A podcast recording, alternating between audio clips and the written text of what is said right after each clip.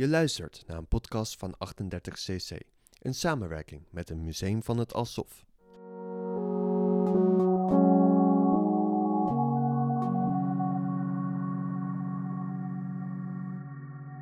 Amchitka Island, far out in the Aleutian Island chain of Alaska, was the scene on October 2nd, 1969, at 12.06 p.m. Bering Daylight Time, when the United States Atomic Energy Commission detonated the Project Milrow nuclear explosive.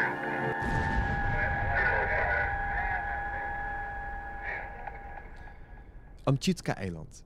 Een klein eiland tussen Alaska en Siberië met een grote geschiedenis. Ik praat vandaag met kunstenaar Hans Vijgen, die zich voor het zogenaamde Amchitka-project volledig gestort heeft op dit eiland.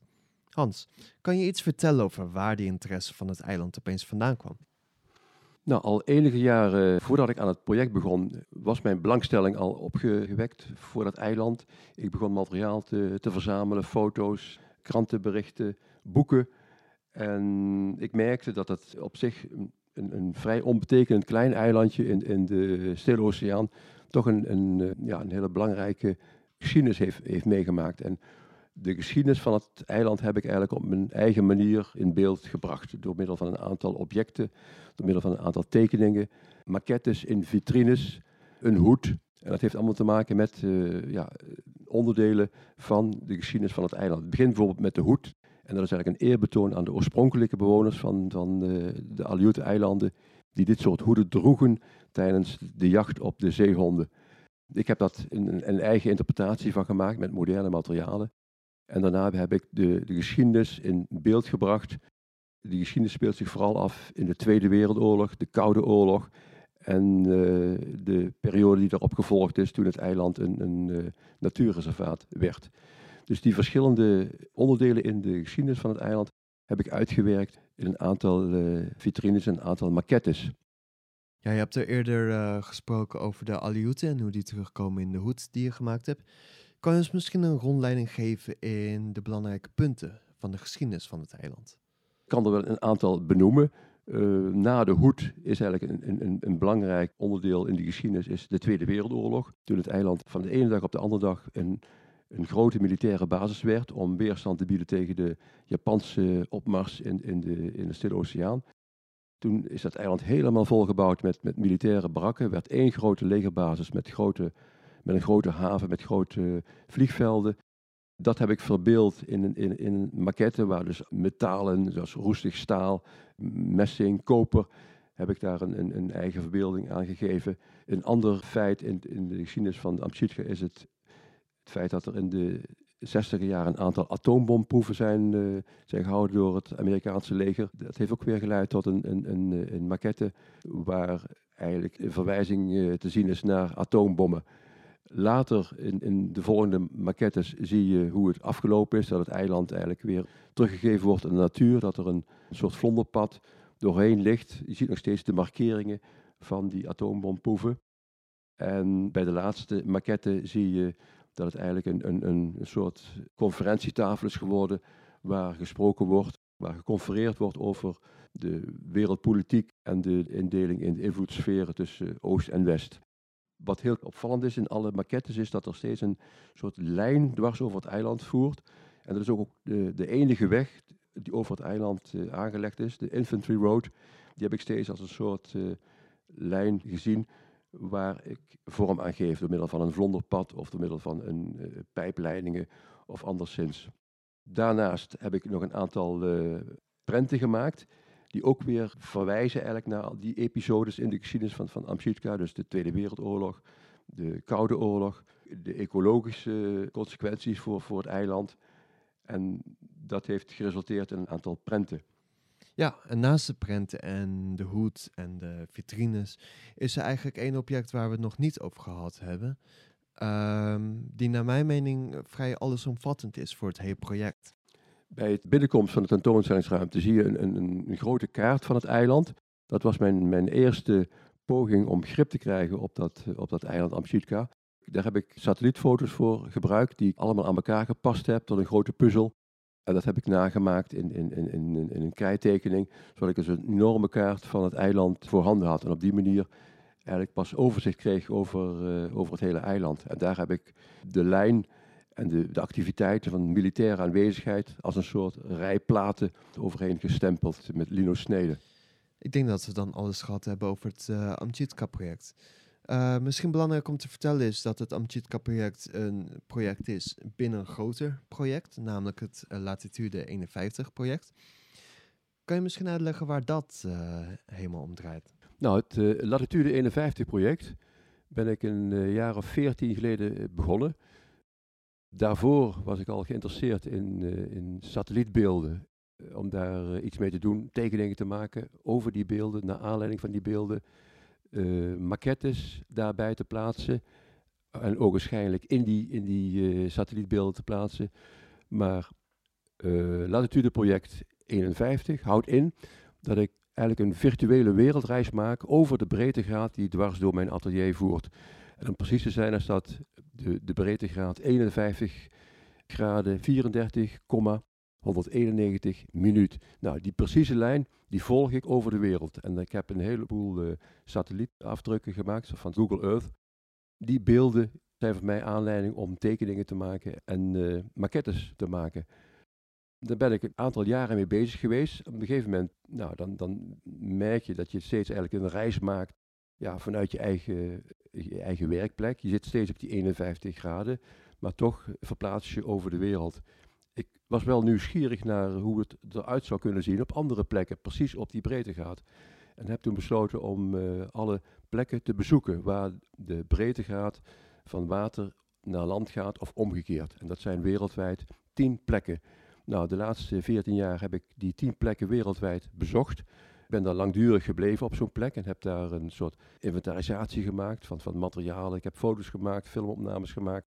Ik heb een rood lint uitgelegd eh, van land de zee in en heb dat gefotografeerd en gefilmd.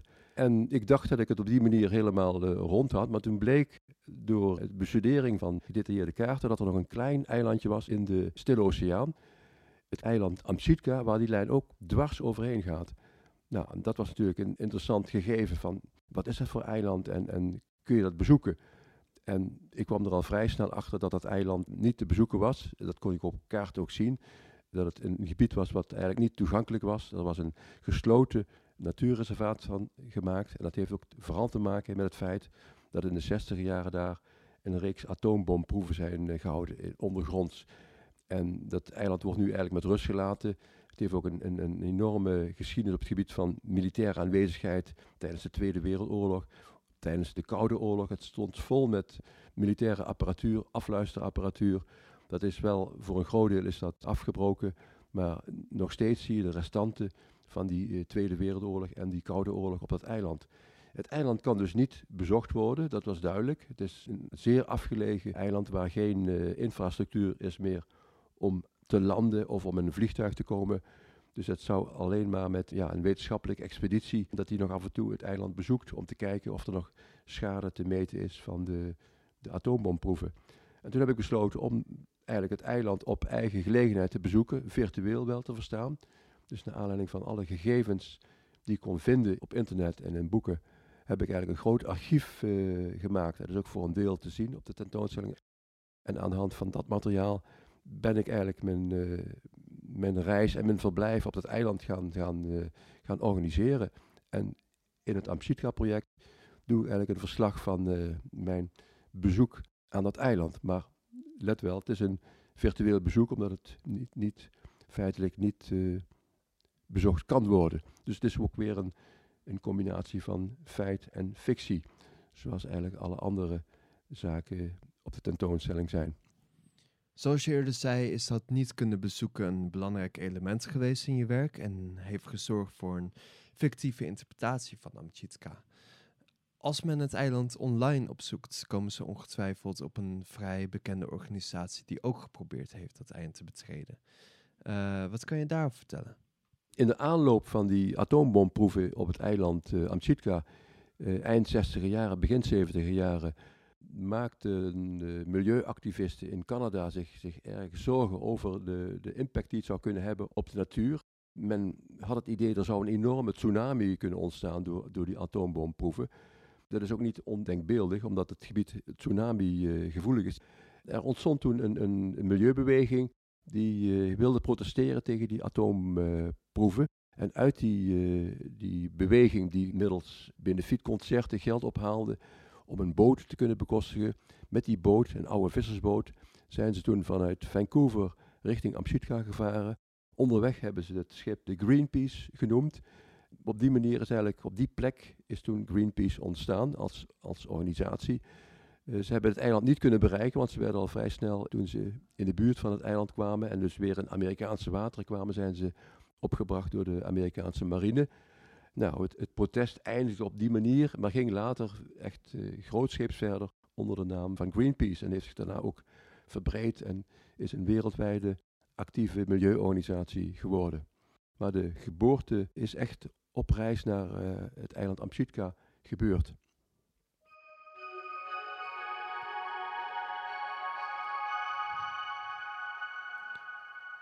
In de expositie Welcome to Amchitka is er naast het werk van Hans Vijgen ook een selectie te zien van andere kunstenaars, die gekozen zijn omdat ze overlappende thema's behandelen in hun werk. Hans is een groot onderdeel geweest van het selecteren als artist in residence. Laten we beginnen met het hebben over Richard Vijgen, de zoon van Hans die ook in de expo te zien is. In het werk van, uh, van Richard Vijgen zien we eigenlijk uh, ook een mooi voorbeeld van hoe zaken waar we de hele dag mee geconfronteerd zijn, namelijk verbindingen via telefoon, satelliet, routers, modems, allemaal dingen die we steeds maar gebruiken, maar niet zien hoe die aanwezig zijn. En Richard heeft een app gemaakt die uh, via een scherm en ook via een, een kleine iPad satellietactiviteiten, alle telefoonpalen, routers, die zijn zichtbaar en de straling die ze uitzenden en die ze ontvangen wordt zichtbaar gemaakt. Ook weer door Richard, door als vormgever, heeft eigenlijk dat enorme databestand, heeft hij een eigen beeld van gemaakt. Ook weer een, een mooi voorbeeld van, van feit en fictie. In feite zijn die, die, die, al die, uh, die bronnen die zijn aanwezig. Die kun je gewoon uh, real-time te traceren. En hij heeft ze eigenlijk in, in beeld gebracht om je eigenlijk bewust te maken van die activiteit. We hebben ook een ander apparaat die stralingen opneemt, namelijk een stralingsmeter die we hebben kunnen lenen van de TU Delft. Misschien is het wel interessant hoe we daaraan gekomen zijn, nou, Hans. Omdat we in Delft zitten, was het voor ons aantrekkelijk om eens te kijken. Zijn er uh, materialen, zijn er objecten die we misschien kunnen gebruiken van de TU Delft? En we wisten dat ze daar ook met satellieten bezig zijn en met stralingsbronnen bezig zijn. Helaas hadden ze geen satellietonderdelen of satellieten, want die zijn ja, te groot en logistiek wordt dat erg ingewikkeld. Maar ze hadden wel een mooie stralingsmeter staan, die in de 60 jaren in gebruik was in, Denemarken. Dus echt een, een, indrukwekkend apparaat wat eigenlijk de, de angst en de betekenis weergeeft voor straling in die tijd. Wat echt iets was wat leefde. Gelukkig is deze expositie niet zonder satelliet. Uh, we hebben niet via de TU Delft kunnen regelen, maar wel via een kunstenaar genaamd Stefan Groos. Uh, die eigenlijk vaker van dit soort satellieten maakt. Uh, zou je misschien zijn kunstwerken kunnen omschrijven? Ja, van Stefan Groos zien we wel een grote satelliet hangen. En een aantal satellietontvangers aan de buitenkant. Maar vooral de satelliet die in de tentoonstellingsruimte hangt. Maakt van een, zeker van een, van, van een afstandje bekeken, echt een hele technische indruk. Als je dichterbij komt, zie je dat het allemaal afdrukken zijn en afgietsels zijn van allerlei huistuin- en keukenvoorwerpen. Dat het van plastic gemaakt is, wat een soort vloeibaar plastic. Nota bene roze plastic. In die zin is natuurlijk een, een cynisch en wat een commentaar op de techniek. En uh, het is een relativering en ook een beetje een humoristische kijk op uh, de techniek en hoe we daar uh, mee omgaan. Ja, dat geeft een mooie overgang naar Maarten van der Einde, die eigenlijk ook het onderwerp behandelt hoe gaan we met spullen om. En met name over hoe gaan we met radioactief afval om. Bij Maarten van der Einde zien we een, een, een, een installatie. Het heet de, de tijd. Hij laat zien in een aantal cilinders die iedere keer qua volume de helft zijn van de vorige, hoe de, de radioactieve straling eigenlijk afneemt. De halfwaardetijd is een begrip waarmee bepaalde straling aangeduid kan worden en een eigen waarde kan krijgen. En hij laat zien hoe dat eigenlijk in een, in een aantal stappen gebeurt. Dat het vanuit een, een, een groot vat, een container, die de, de werkelijke maat heeft van containers die ze gaan gebruiken om radioactief afval in de klei op te bergen en, en, en, en uh, op die manier dat dat materiaal uh, kwijt te raken. Laat het zien hoe dat steeds kleiner wordt en tot op een gegeven moment dat het onzichtbaar wordt. En dan zie je echt dat het een enorme schaal heeft. En in, feite eh, duurt dat dus duizenden jaren voordat dat materiaal eigenlijk uitgewerkt is. En op die manier maakt hij die schaal duidelijk. En hij gebruikt daarvoor een, een containers van klei, die ook in feite gebruikt worden om die, die, die stalen containers in kleilagen te laten verdwijnen in België. In de zaal hebben we ook werkzaam van Esther Kokmeijer. Hoe verhoudt die eigenlijk tot uh, jouw werk? Esther Kokmeijer laat in, in haar installatie zien een aantal betonnen boorkernen. Die zijn uh, uit een betonnen platform gehaald, ergens op een industrieterrein in, in, uh, in Rotterdam. Het is een industrieterrein wat eigenlijk op een wat illegale manier allerlei industrieel afval mengde door het beton. En op die manier het, het materiaal uh, liet verdwijnen onder een dikke laag beton waar weer andere activiteiten konden plaatsvinden. Deze plaat wordt nu geloof ik niet meer gebruikt en zij heeft de boorkernen eigenlijk daar van die plaat gehaald en het zichtbaar gemaakt hoe dat beton eigenlijk met allerlei afval wordt gevuld en, en, en is vermengd. En ze presenteert ze als een soort ja, eh, belangrijke geologische of archeologische vondsten. Ze zijn gepolijst en ze zijn opgeborgen in, in, in kisten, waardoor ze dus echt een betekenisvolle werking gaan krijgen. Ja, het boren van gaten is iets wat vaker terugkomt op de expositie, namelijk bij Amchitska, bij Esther Kokmeijer, maar eigenlijk ook bij het videokunstwerk van Justin Bennett. Kun je ons door zijn video uh, heen leiden, Hans? Ja, het is een mooie uh, overgang van het werk van Esther naar de film van Justin Bennett. Waar hij op een hele eigen manier een verslag geeft van een geologisch experiment in het noorden van de uh, toenmalige Sovjet-Unie.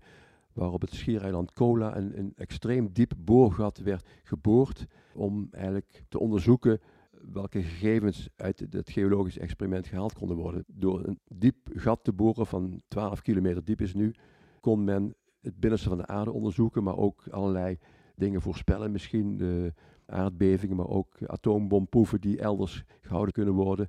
Dat geologisch experiment heeft precies geduurd tot 1991. Na de val van de Sovjet-Unie is dat project stilgelegd. En in de film van Justin Bennett zie je hoe hij de, de restanten eigenlijk uh, bezoekt van dat boorexperiment. En er zit nog steeds een van die geologen achtergebleven om het, het gat te bewaken. En die man die vertelt er op een hele bijzondere manier over. En, en, en ja, ziet het eigenlijk echt als een, een uh, mysterieuze en, en, en magische plek waar allerlei boodschappen uit tevoorschijn komen. Hij beluistert de geluiden uit dat gat en hij ziet allerlei uh, fenomenen op die plek. Dieren die zich op een bepaalde manier gedragen. Voor hem is het een, een, magische plek die hij wil blijven bewaken. Hij blijft bij die plek. En Justin Bennett heeft daar een hele indrukwekkende installatie van gemaakt. Daar ben ik het enorm mee eens. Ik denk dat dat het alweer was. Hartelijk bedankt Hans voor deze virtuele rondleiding door de expositie. Wilt u meer weten over het Latitude 51 project? Ga dan naar www.latitude51.nl. Voor meer informatie over de expositie Welcome to Amchitka of informatie over toekomstige exposities of evenementen, bezoek dan 38cc.nl. Hopelijk tot de volgende keer bij de Museum van het Alsof podcast.